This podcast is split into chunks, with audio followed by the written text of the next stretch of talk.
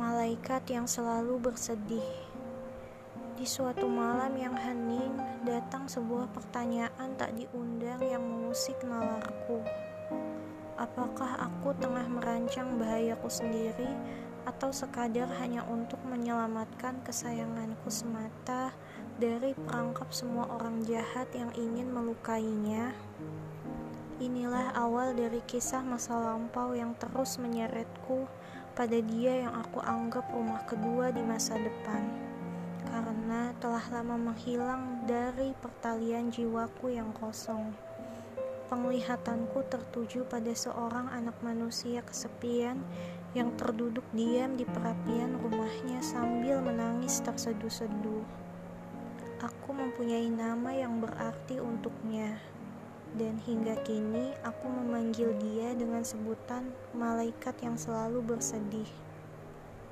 Entah apa yang mengisi kandungan gen di tubuhnya, tetapi aku meyakini segala sandaran yang dimilikinya itu turut andil dalam pembentukan senyawa kekuatannya. Karena hatinya selembut dan seputih kapas, sebab mental jiwanya disusupi baja nan kokoh tertempa.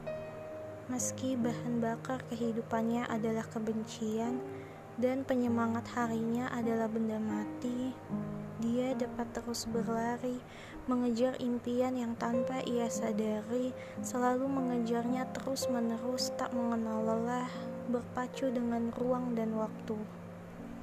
Ia berkata padaku, andai saja ia tak pernah dilahirkan ke dunia ini, pastilah itu sebuah takdir terbaik yang akan segera dipilihnya.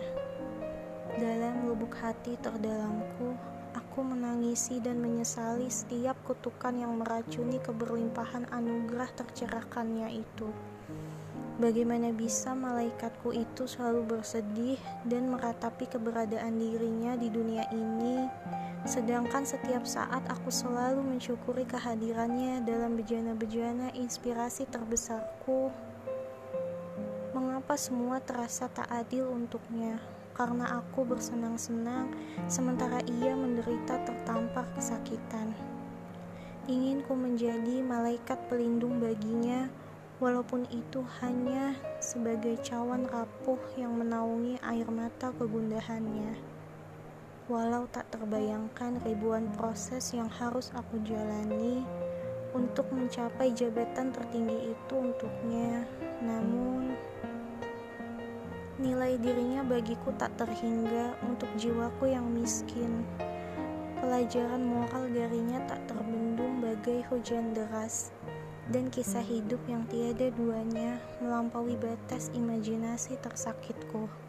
Aku ingin menjadi bagian dari cerita terindahnya di dunia dan sahabat sejatinya yang berharga di surga.